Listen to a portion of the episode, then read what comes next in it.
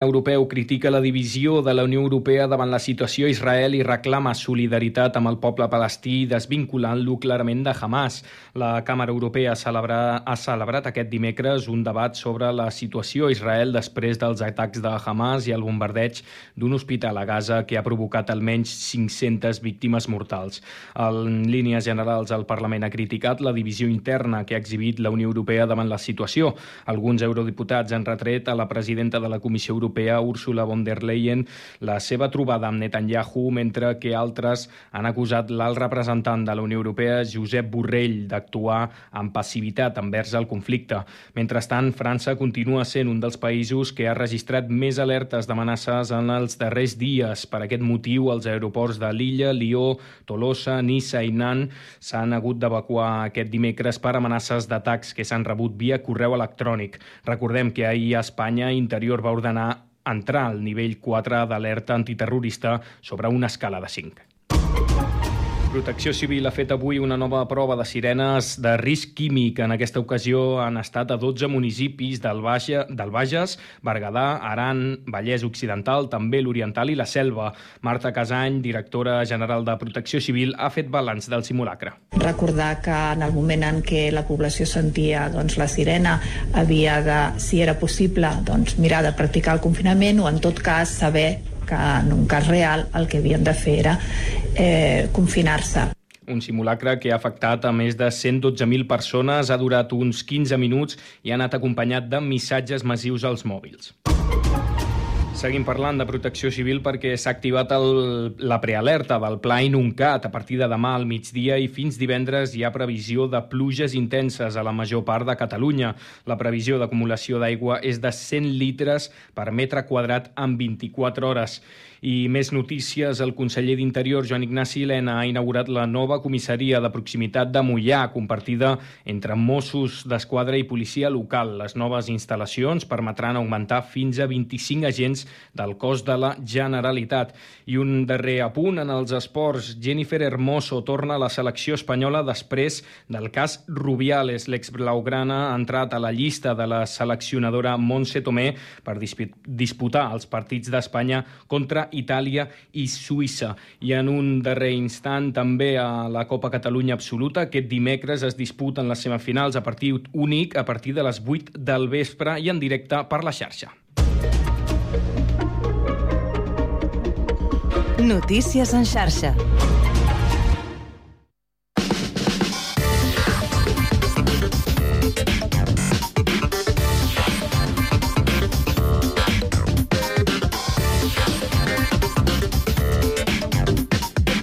5 de la tarda, 3 minuts, inici de la segona i última hora d'aquest Connectats de dimecres.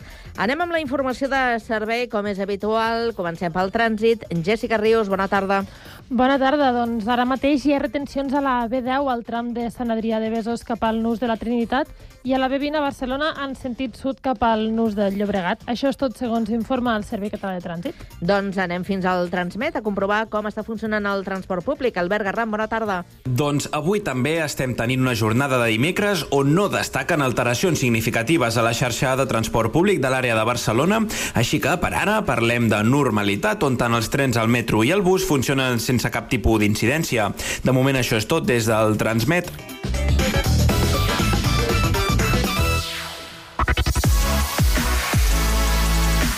Connectats, una experiència radiofònica a Sabadell, Terrassa, Sant Cugat, El Prat, Castellà i Badalona.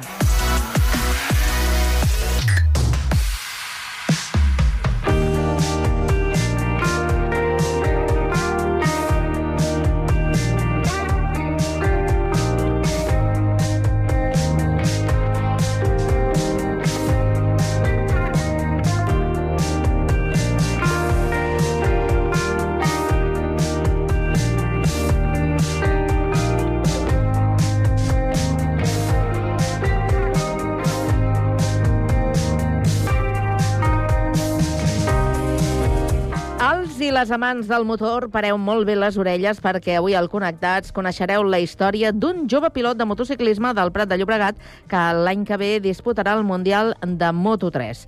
A més, ho farà en un dels equips punters de la categoria, l'Espart Team. Míriam Roures, aquí tens pels estudis del Prat Ràdio aquesta tarda. Tenim als estudis a Joel Esteban. Ell és eh, pilot de motociclisme, farà el salt en la temporada 2024 al Mundial de Velocitat Absolut, en aquest cas a la categoria de Moto3.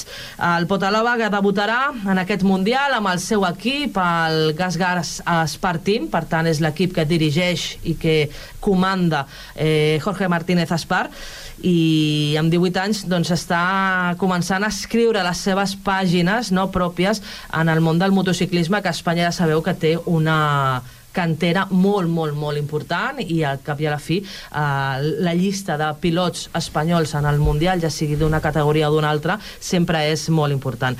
Ell ara mateix està competint en el Mundial Júnior GP, està a punt d'acabar, però en el seu palmarès. Ell és subcampió d'Espanya del Premoto 3 2020, eh, és subcampió de l'European Talent Cup de l'any passat, que és quan va entrar en l'equip de Jorge Martínez Aspar, i ara doncs, intentant a veure què pot aconseguir en el Mundial Júnior GP i el gran repte és preparar-se perquè el, el que significarà l'any vinent està al Mundial de... absolut de Moto3. Això vol dir curses per tot el món, això vol dir presència mediàtica, evidentment, a tots els mitjans de comunicació i això vol dir córrer amb els millors del món de la seva categoria. Anem a parlar amb el protagonista perquè li volem preguntar moltes coses, que ens expliqui moltes coses d'aquest món que, evidentment, per nosaltres no és gaire conegut perquè no tenim molts pilots al Prat i que haguessin pogut eh, parlar molts, molt de motociclisme i això ens permet tenir aquest luxe de poder parlar d'aquest món. Joel Esteban Ruiz, muy buenas tardes. Buenas tardes, ¿qué tal? Un piloto del Prat en el Mundial de Moto 3. ¿Tú cómo, cómo te cayó? Bueno, a mí ya, bueno, me llamó Nico y la verdad que, em, que me puse muy, muy contento. Pero bueno, al final es un sueño que llevo teniendo desde pequeño y cuando me lo dijo me puse muy contento, pero bueno, con los pies en el suelo y centrados en lo que queda de campeonato. ¿Qué significa eh, que tú des el salto el año que viene al Mundial de Moto 3? Bueno, al final es un sueño que llevo desde pequeño persiguiendo y que al final se ha cumplido. Y, y bueno, se ha cumplido. Y mm, estoy, bueno, alucinando. Ahora estás en el Mundial Junior, que hemos estado mirando un poco por internet, sí que tienes muchas carreras, pero casi todas centralizadas un poco entre España, Portugal, ¿no? no Pero claro, el año que viene es el salto, es Malasia, no sé qué, no sé qué. Ahí esto va a ser eh, cada semana, una, una, vez empiece, eh, muy intenso, ¿no? Sí, sí, será muy intenso, pero bueno, al final es lo que nos gusta y al final viajar por todo el mundo también debe ser muy, muy divertido porque aparte no viajo solo, viajo con todo el equipo, entonces son muchas semanas que pasaremos juntos y será la verdad que un año inolvidable ya que sea el primero y bueno, y, y ir a todos los circuitos del mundo, aunque sean semanas muy seguidas, yo creo que estará muy divertido. ¿Cómo entras en el mundo del motociclismo? Que entiendo que es desde muy pequeño, ¿no? Sí, yo empecé, bueno, mi padre a los dos años y medio me compró una moto eléctrica y ahí en los Jardines de la Paz, en la pista, me llevaba ahí, me daba unas vueltas y bueno. Y al final, como ya me gustó mucho, me compró, le pedí una moto de gasolina, me compró una moto de gasolina y, ¿sabes? Y la zona franca donde la SEAT me llevaba ahí, me ponía unos conos y ahí pasamos el rato. De pequeño, ¿eh? Desde muy, muy, muy pequeño. Sí, desde pequeño, pequeño. ¿Qué, ¿Qué significa el mundo del motor y de las motos en tu vida? Bueno, para mí al final el mundo de las motos ahora mismo ya se ha convertido como en, en, mi trabajo, pero significa, bueno, pues casi todo porque ahora mismo, tam, bueno, yo, mi familia, todos lo estamos dando todo y por y para las motos. Eh, porque, bueno, al final es eso, el sueño que tenía y que al final lo hemos logrado. Precisamente te iba a preguntar por todo lo que significa poderse, tenerse que dedicar o quererse dedicar uh, al completo eh, a este deporte. Supongo que has tenido que hacer muchos sacrificios. Tienes 18 años y si te has querido dedicar a esto eh, desde siempre, eh, entiendo que tu juventud ha sido bastante dedicada la, al motor, ¿no? ¿Qué ha significado? ¿Cuántos sacrificios has tenido que hacer? ¿Qué, ha, qué habéis tenido que hablar, descartar, eh, tener que hacer eh, con la familia para, para que tu sueño se cumpla? Bueno, al, al final hemos tenido que sacrificar cosas, pero bueno, la verdad que ha valido la pena. A mis amigos y todos los sigo viendo y todos y súper bien. Pero bueno, la verdad que ha valido la pena sacrificar esas cosas para poder cumplir el sueño. ¿Qué sientes cuando estás encima de la moto? En una carrera. Fua, es que... No sé, no sé, es que eso no, eso no sé explicarlo. No, no me entero de las cosas, en verdad. Voy encima de la moto, pero no sé lo que siento. Aparte de alegría, felicidad. Pero en ese momento vas tan concentrado que, que solo estás centrado en lo que estás haciendo. No, no tienes ahí... Bueno, que, que, no sientes las cosas. Hablando un poco de tu trayectoria, antes hemos comentado, subcampeón de España en 2020, eh, subcampeón también de la European Talent Cup cuando entraste en el equipo Spark. Eh, contento, supongo, ¿no? Con que has ido dando pasos hacia adelante, ¿no? En, tu carrera. Sí, al final hasta 2020 siempre iba con mi padre y un mecánico y hacíamos lo que podíamos y en 2020, bueno, mi padre apostó lo que teníamos y entramos con el IGAX Team y la verdad que hicimos una gran temporada y bueno, hicimos, bueno, tuvimos algunos fallos, tal, todo y no podemos, hasta la última carrera estuvimos luchando por el campeonato, pero acabamos subcampeones y luego el siguiente año hicimos otra, pasamos a la European Talent Cup también con el Ajax Team, en la primera carrera hice podium y estuvimos ahí durante todo el campeonato.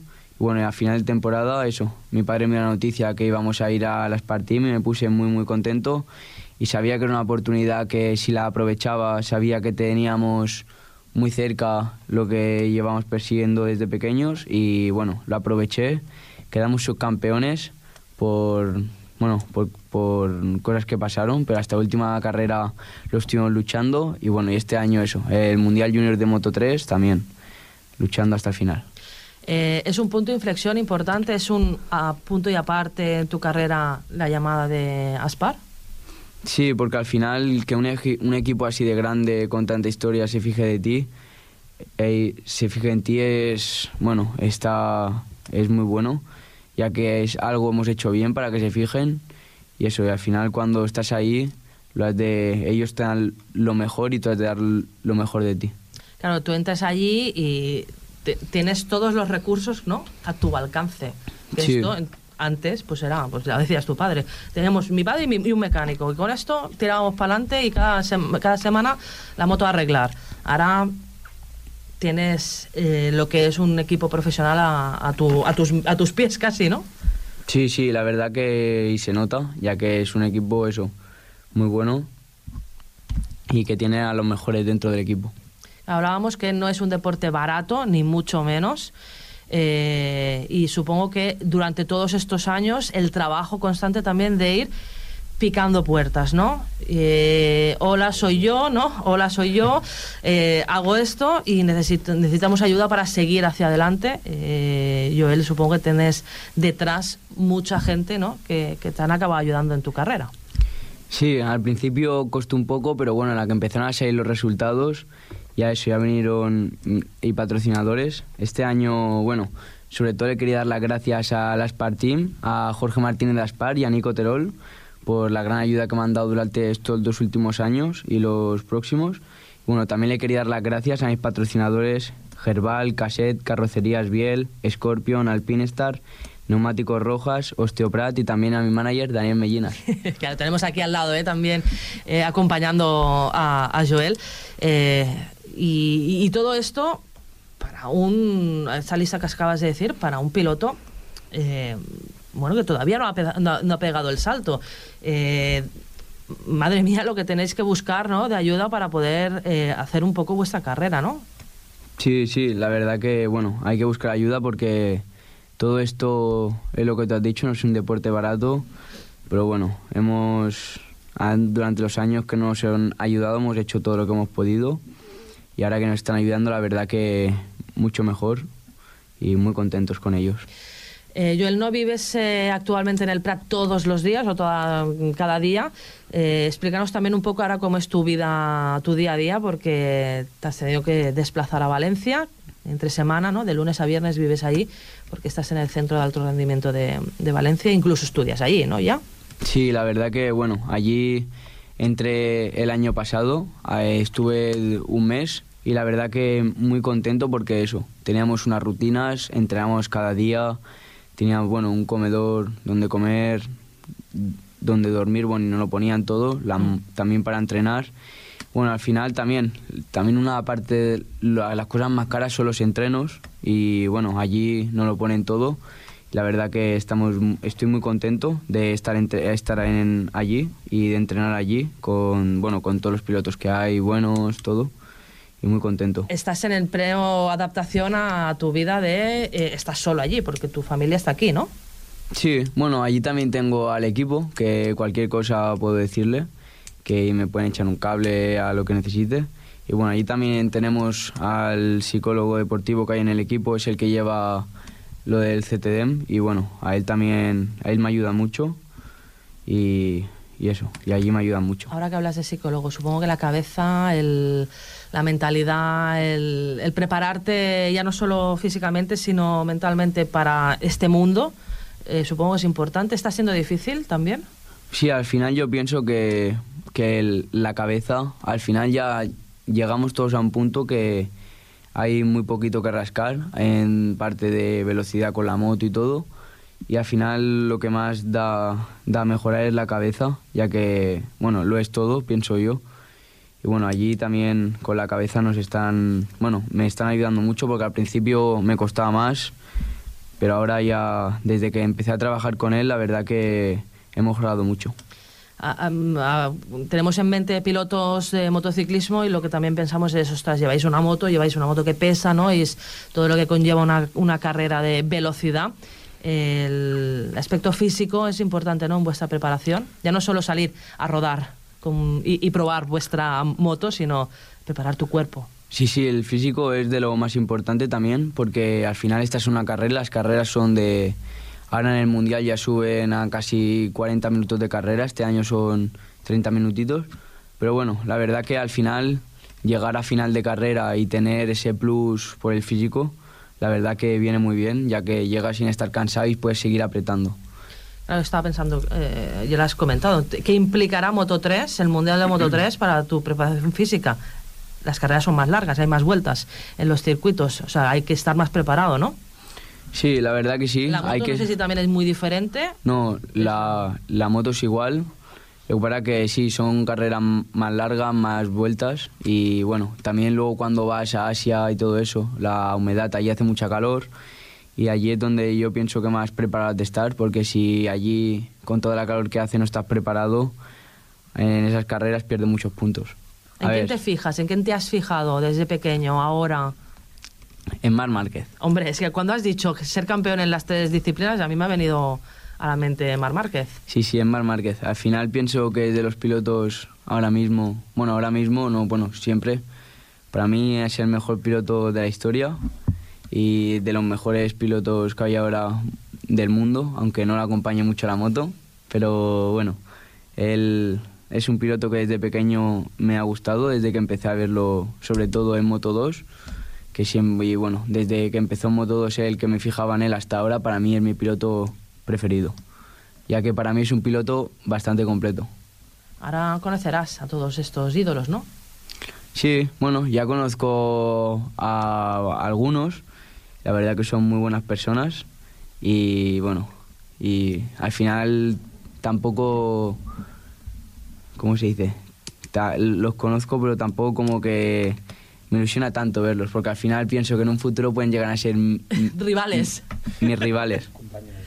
Hoy, eso, compañeros de trabajo. Y tal que sí. Muchísima suerte. Te esperamos por aquí eh, el año que viene, alguna Sí. para explicarnos cómo va este mundial y esta Ya, os experiencia, el- ¿eh? ya lo explicaré. Claro que sí, te esperamos aquí, ¿eh? Muchas gracias.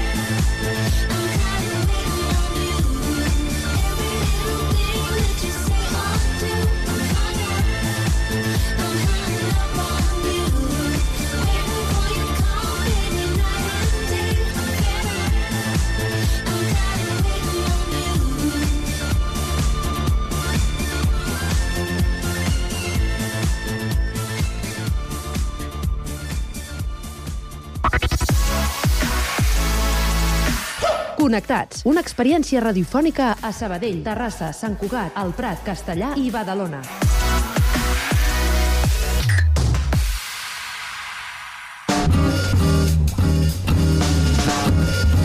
Amb molt de gust.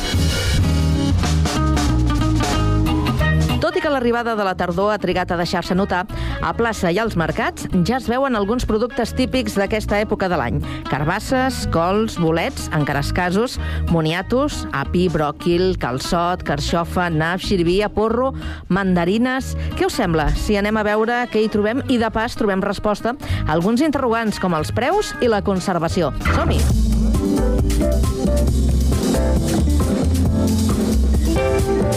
Bé, doncs avui ens hem vingut al Mercat de Sant Cugat a veure doncs, eh, quin és l'ambient que respires, però sobretot eh, per conèixer i parlar dels productes eh, de temporada. Som a la tardor, tot i aquestes altes temperatures, però ja comencem a veure els productes més típics d'aquesta època de l'any. I ens hem vingut a una de les parades, la de Passió per la Terra, que la regenta la, la Glòria Colomer. Ells tenen, doncs, eh, diguem que el seu espai de treball a Castellbisbal i, i al Papiol, però cada, cada, cada, cada dijous són aquí a Sant Cugat amb la seva parada. Glòria, què tal? Bon dia. Hola, bon dia, Carme, què tal?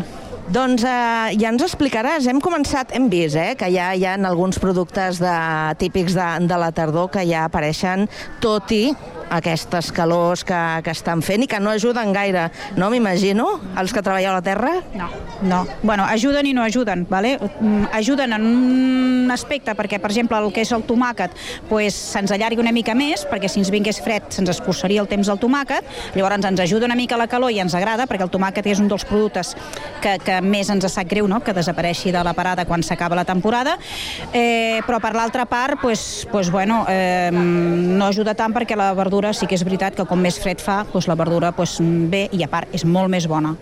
La verdura amb fred és una verdura boníssima. Llavors doncs, no ens ajuda tant la calor, és veritat.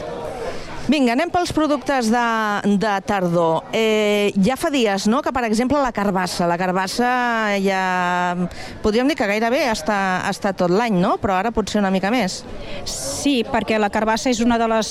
Mm, bueno, es cull, es cull a l'estiu, es cull l'estiu, primers de tardor.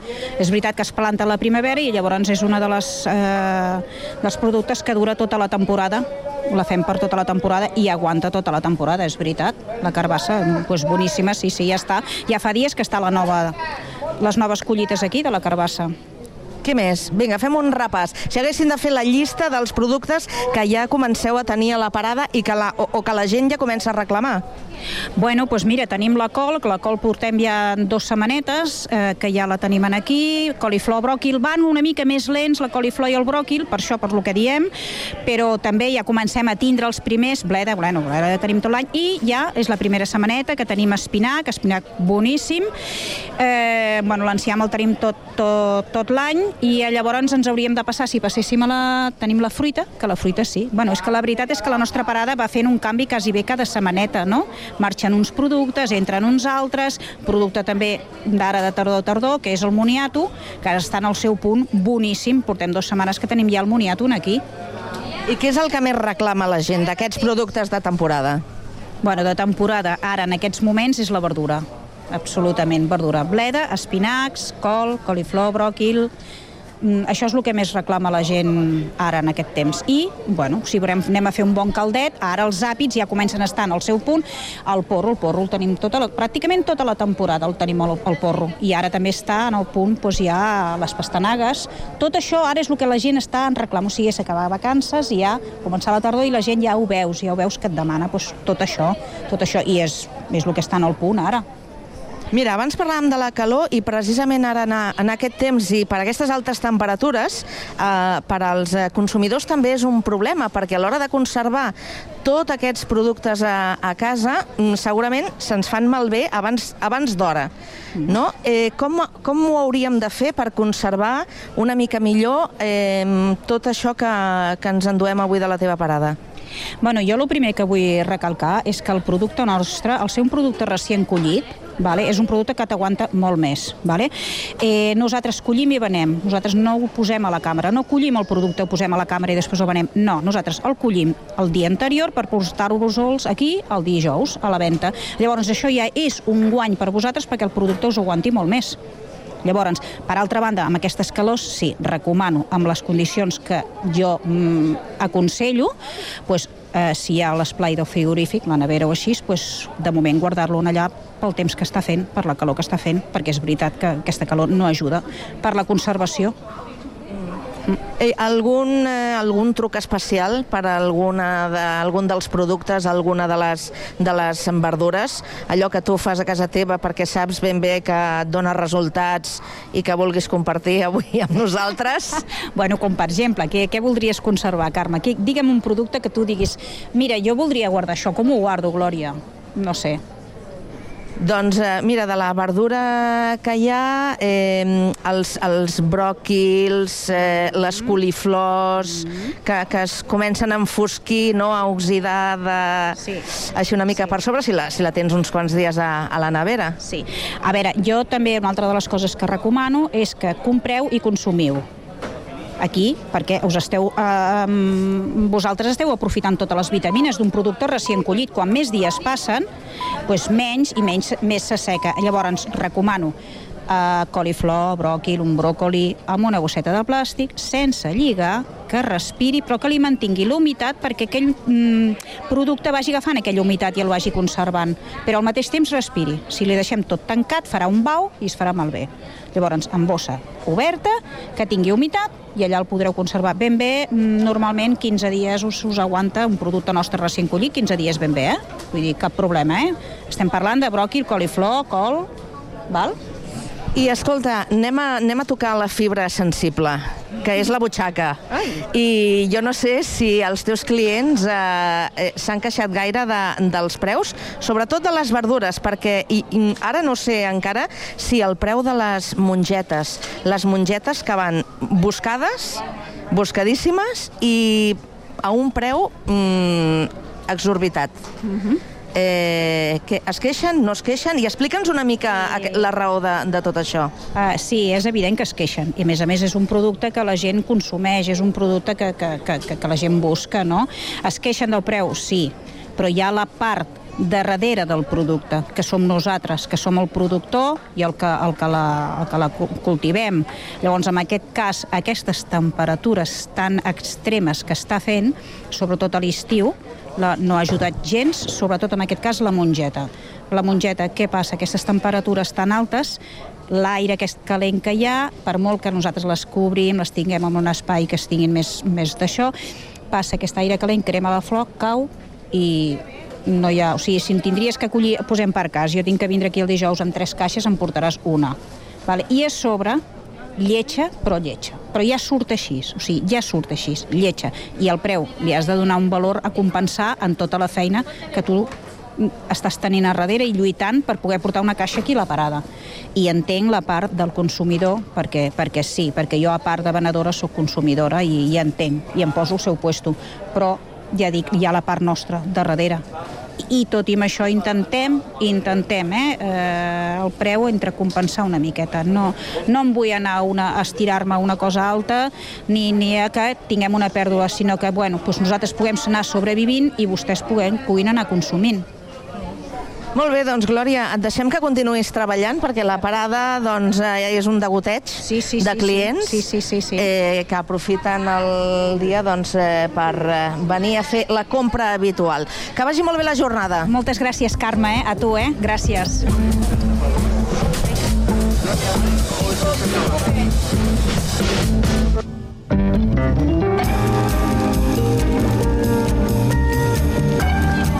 Bon dia. I bona hora. Com es diu? Toni. Toni. I el Toni habitualment ve els dijous a comprar Tots. aquesta parada? Tots els que puc. Tots els que puc. Hi ha algun dia que potser pel que sigui no puc, perquè tinc metge, perquè estic fora, per, bueno, però si puc vinc aquí. Avui estem al mercat eh, parlant dels productes de temporada, dels productes de tardor, mm. tot i aquestes temperatures, eh? Sí, sí. Eh... Oh, és veritat, és veritat, perquè ningú diria que estem a la tardor. Que, quins són els productes que més consumeix ara d'aquesta època? Jo, bueno, saps què passa? Tomàquets en compro sempre, i llavors la fruita que hi hagi. La, la fruita que, que tinguin aquí, doncs és la que, és la, és la que gasto. Sigui, sigui préssec, sigui pera, sigui pruna, eh, eh, és el que gasto. I pel que fa a la resta, o sigui, a banda de la, de la fruita, eh, Llavors- verdures, hortalisses i tot això, dels productes més habituals de- d'aquesta època, dels de, dels de tardor, quin, quin seria el producte estrella per vostè? Bueno, hi ha bledes que n'hi ha sempre, pràcticament, però és que jo, a mi les bledes amb patata he fet bé, bullides, com me les faig jo, em menjo més a gust un plat de bledes que un, que un entrecot. Però això cadascú és cadasqual, eh? Segurament dec ser dels, dels tres que hi ha a, a Catalunya que, que els agrada això, però bueno, a mi m'agrada. Bueno, llavors, el, el que ve, que el, el, el bròquil aquest que tinguin, el, el, el, el que trobi, el que trobi. I, I com que sempre ho tenen tot fresquet, aquesta, aquestes noies ho tenen tot eh, eh, acollit fa poc, no? I què li anava a dir les mongetes, per exemple, que porten una temporada que, a, a banda de- de- d'escassejar, de, no, podríem dir, mm. eh, també s'han pujat pels núvols els preus. Bé, saps què passa? Jo, com que sóc sol, a casa, i per, la, per lo que compro no em preocupa pagar 30 cèntims més, perquè de tant en tant, ara fa dies que no en compro, per cert, però compro mongetes, després me les preparo i procuro preparar-me-les, avui no, però demà o demà passat, perquè si trigo una setmana, llavors no me'n recordo i se'm fan malbé i les haig de llançar. I no s'ha de llançar res, per barat que sigui, eh? Molt bé, Toni, doncs que vagi bé la jornada. Doncs moltes gràcies, gràcies. i bon dia. Ara, ara veurem aquestes noies, que venguin molt avui. Gràcies. Gràcies a tu. Vale, ja us poso una. La netejo? No cal? Vale. Doncs espera. Vale, Carles.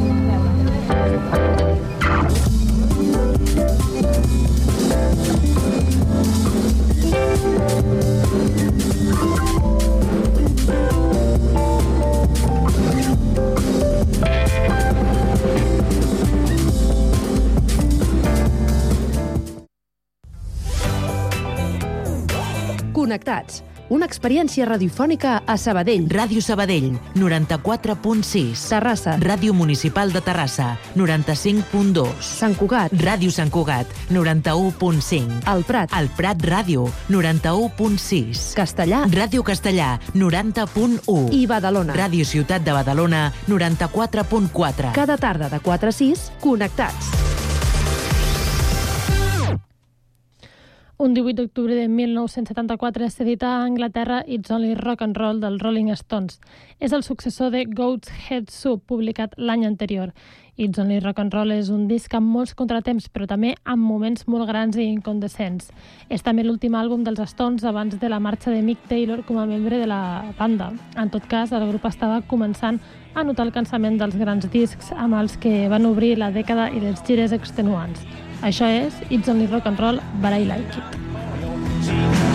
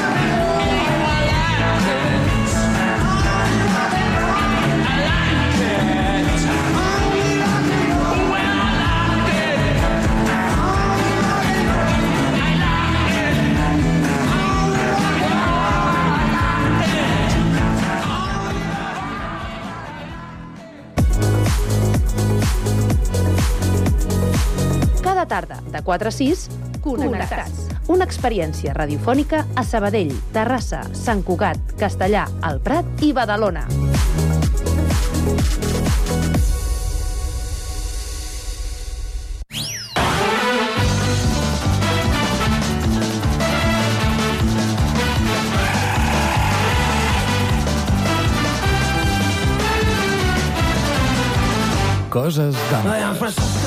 Anem molt ràpidament a saludar els companys que arriben cada dimecres puntuals a aquesta cita amb el final del programa per explicar-nos doncs, eh, alguna curiositat del passat, sempre a través d'alguna figura que tots eh, reconeixem. Avui, Jordi González. Passejarem per la seva trajectòria professional, oi que sí? Bona tarda. Eh, però que ja igual estàs d'espèria. No, no fa gràcia. És, és com el walkie-talkie.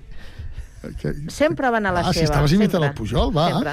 No, dic que una conversa de dos Pujol... Per cert, bona tarda. Bona tarda. Bona tarda. Si no, la Carme està aquí esperant i Home, té... Bona clar tarda, que- Carme. Té ganes de- de- de- Estàvem fent una d'escoltar-nos. conversa de dos Bona tarda, Carme. Hola. Jordi És que una conversa de dos Pujols... Sembla que parlen en walkie-talkie, perquè... perquè quan parla... Diu, ja veuràs. Escolta una cosa. Com estàs? Escolta, és el Jordi. canvi. és el canvi. Eh, estem, Està bé, estem en directe. està bé. Eh? No, t'ho és que recordar. Jo, jo faig el Pujol més jove, Més jove, potser. clar. El Pujol, com, eh? com estàs? Xavi.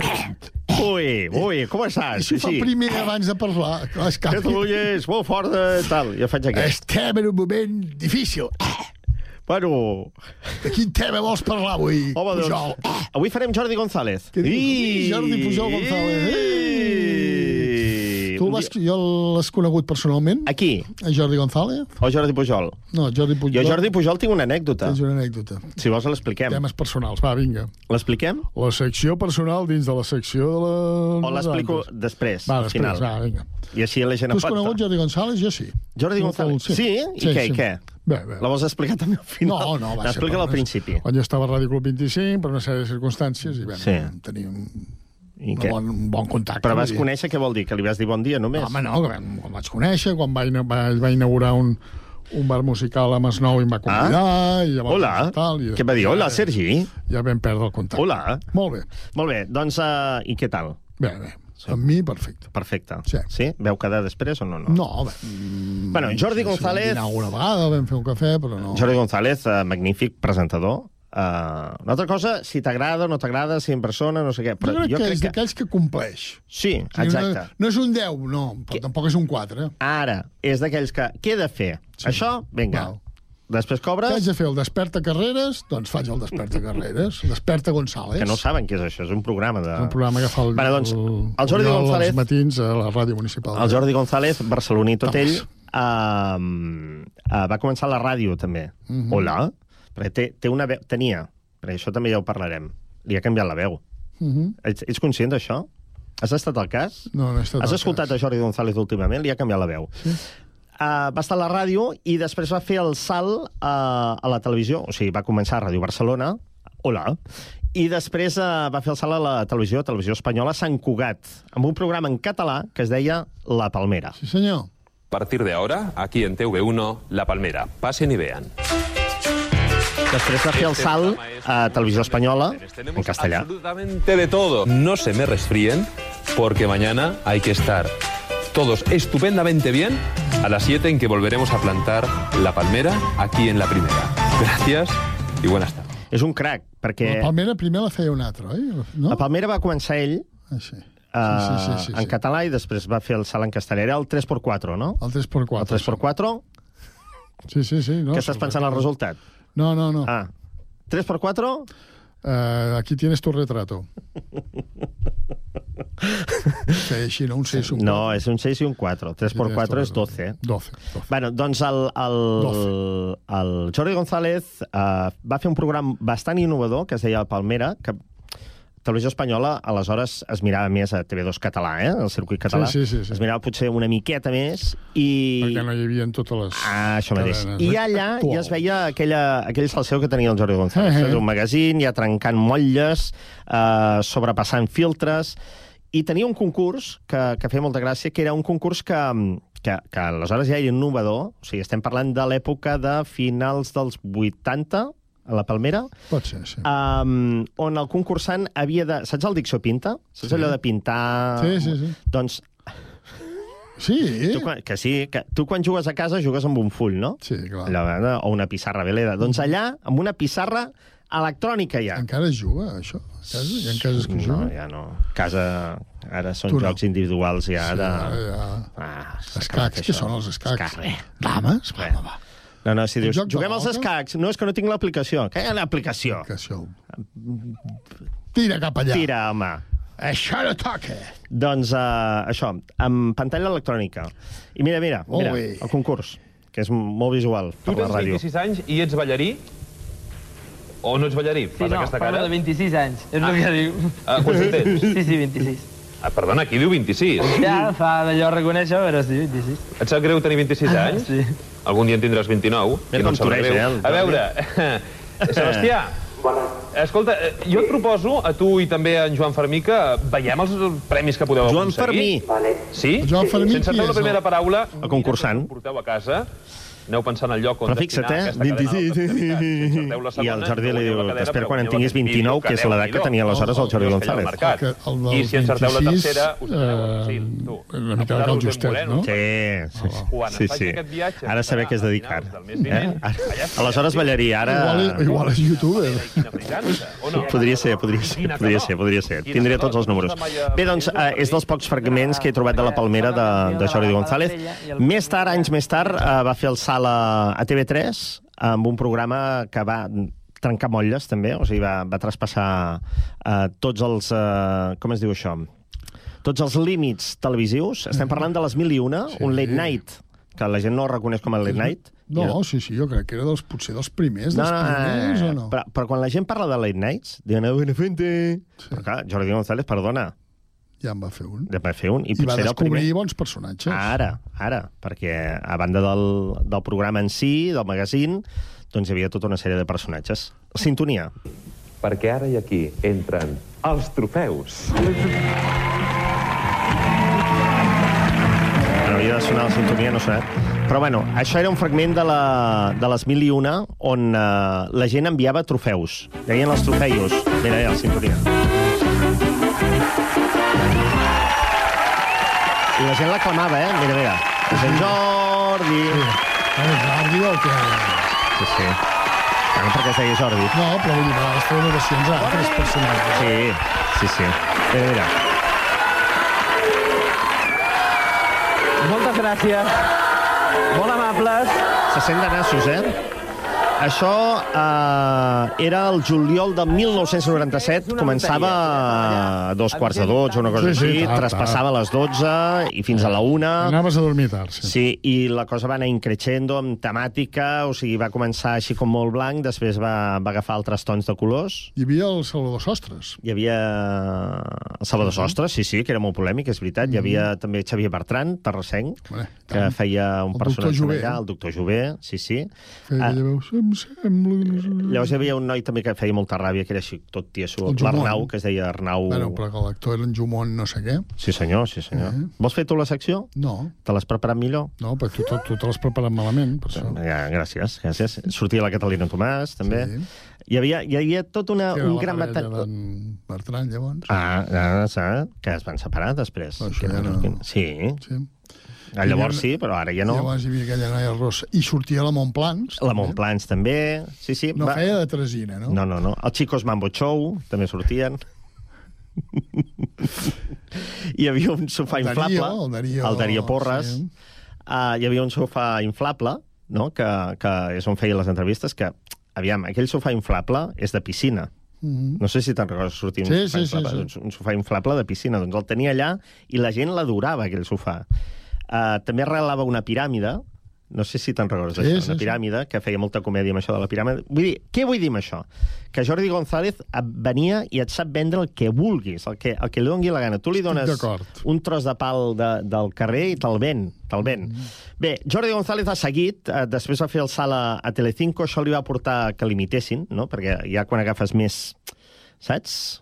Arribes a més públic, eh, doncs surten imitacions, com per exemple la del Pep Plaza, que jo crec que és clavat a Jordi Fa González. bé, Mira, mira, mira. Escoltem-lo. Eh, montaje es una Este es estrategia Plaza, ¿eh? para ganar más dinero con los SMS.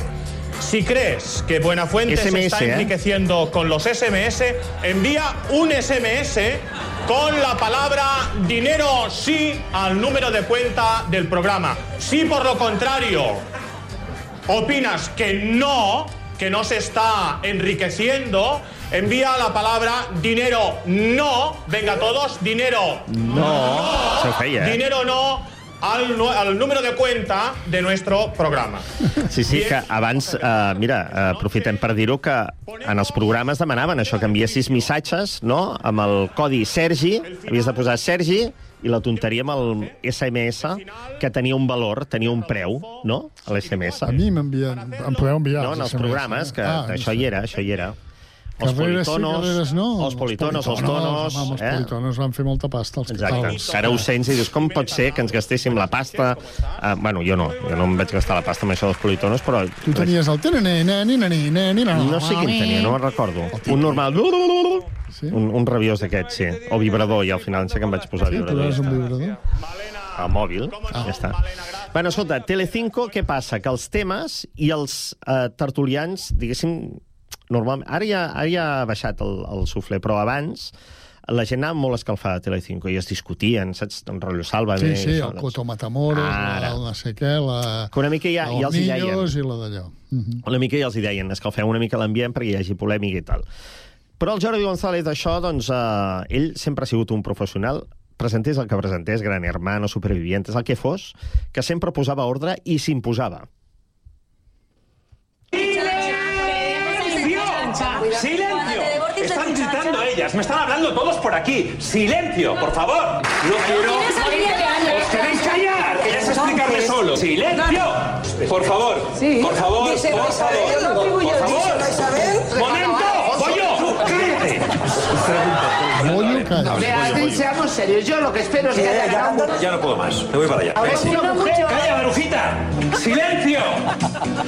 Estoy trabajando. Que es un ¡Silencio! Por favor, por favor, por favor, orden.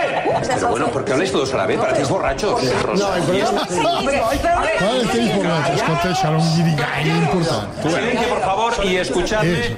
Y escuchad. ¡No! Jorge, no hay tiempo. Es Por favor. Silencio. Jorge. Silencio. Silencio. ¿En qué idioma tengo que decirlo, coño? ¿No os da pena que echen al presentador de este programa por inepto? ¡Silencio! Aquest era el Jorge, el d'aquest, no? Que El de la bèstia, eh? Que bèstia. Bueno, en fi, uh, home, clar, s'ha imposat. No, no, ben fet, home. Clar que sí, Escolta, clar que sí. És com jo, que m'haig imposar segons més- quines eh, Sí, però no coses. et veig fent això, eh? No, Cridant no així. em veus dient, si voleu fer el favor Ara- de callar. ara Va mateix pujar no. i com ho diria? Voleu fer el... Com? Calleu! Voleu fer el favor de callar. Calli, calli! Com diu? mira'l, mira'l. I tal. Escolta, fa Ara, res... ara, Jordi, esperi. Recentment, recentment li van preguntar a Jordi González si enyorava TV3. Uh -huh. Queda't amb la veu aquesta de silencio! Aquesta veu... I queda't amb la que escoltarem ara. Senyores TV3? Sí. Clar. Clar, sí. Ara fa quatre dies que sóc a Barcelona i... Sí, no, sí, sí. Enyoro, enyoro la ciutat, enyoro... Està pausat, eh? Està tranquil. I TV3 molt, no sé per què. Ell va estar a Televisió Sí. Andalusa. Bueno, perquè aquí he sigut molt Canal feliç, Sur, no? I Canal perquè Sur. Està al Canal Sur i hem va dir que... coses molt xules i tal. I, i a mi Que no, m'agradaria. Allà costava algun eh, dia fer un programa a TV3. posar la gent TV3? mordre. Que TV3 va A- a fer, fer un les, programa? uh, abans de les mil i una va fer un programa, es deia Això no és tot, que era les tardes. Ha de ser amb Això també la gent Torner. ho oblidem a vegades, però ha fet les tardes de TV3. Sí, sí, sí. Això no és tot, que també ho va revolucionar, va fer després les mil i una. Bé, doncs uh, ja veus, uh, té ganes de tornar a TV3, enyora TV3, això ho va dir-ho no fa gaire, però, clar, l'oferta li va venir de Televisió Espanyola i se'n va anar a Televisió Espanyola amb un programa que es diu La Plaza, que es presenta de dilluns a divendres, que encara l'està Ah. fent, i a la vegada està fent un setmanal que es diu Lazos de Sangre. Atenció, quan diries que cobra per cada programa que Jordi González presenta de La Plaza, que és de dilluns a divendres? Com tu i jo per fer coses santes, més o menys. Per cada programa, eh? Jordi González s'embutxaca 1.600 euros cada programa de La Plaza. que això són eh, 113.600 euros, si ho dic bé, això? Sí. Més 15.000 euros que cobra per programa, 15.000 euros per programa de Lazos de Sangre. Com? Què et sembla? Ara, ara ho repetirem, president. Eh, 15.000 euros Sí, per Lazos de 1.600, Sangre. 1.600 per cada programa de la Que plaça, que és suposa- cada dia, que és diari, i setmanal eh, de Lazos de Sangre, 15, eh, 15.000, sí, Hi ha mesos 15.000 que tu euros. i jo no ho guanyem, això. Eh? No, no, ni ho guanyarem. Ah. Jo per tots, oi? 15.000? Uh, un moment. T'ho imagina't per cada secció que fem, Ens ho 15.000. 15.000. Bueno, m'has fet O sigui, jo... dos o tres. O sigui, cobrant 15.000, enyoro TV3, TV2, TV1... I TV l'AM. I a sobre, clar, li surt el tiro per la culata i no, perquè ell diu, jo enyoro TV3 i tal, i a TV3 li deuen dir que no t'ho podem pagar, això. Doncs pues me'n vaig i se'n va a Televisió Espanyola Pública i li paguen això. Bueno, ell té el seu caché, té la seva I ja història està, darrere, ja està. i ell diu, pues vull cobrar això, o li ofereixen això, i li està bé, doncs ja està. 120.000 euros Clar que embutxacats. sí. Nois, Ja està. que surti Benny. Hill. Que surti que Benny Hill, nois. 120.000 euros. Nois, A veure, això és un nois. altre tema. Ja està, ja que m'està... vull, pensar, vull pensar que sí. Avui que no toca, perquè no ens queda més temps. D'acord? Fins la setmana que ve. Gràcies a tots. Demà més, edició de dijous del Connectats. Bona tarda.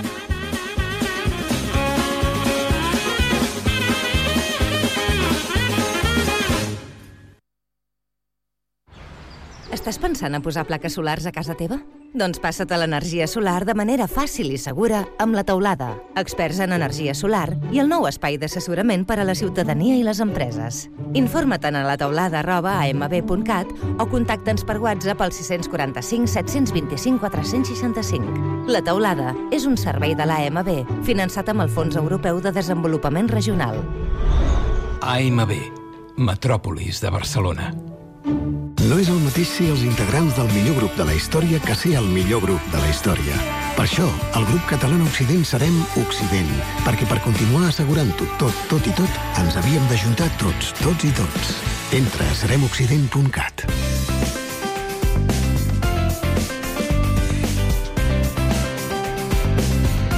Ràdio Sant Cugat, 91.5 FM.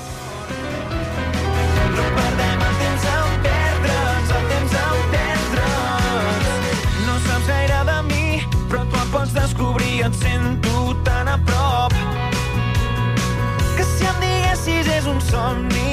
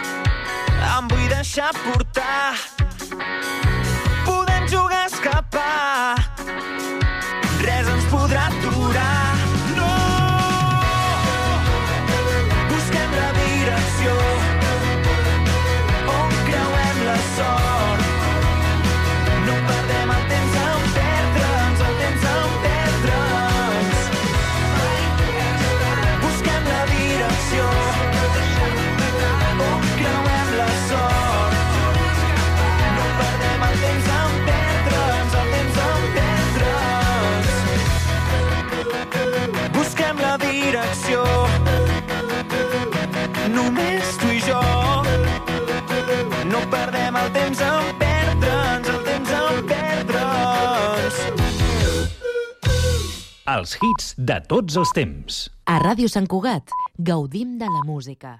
Gaudeix-la amb nosaltres. Ràdio Sant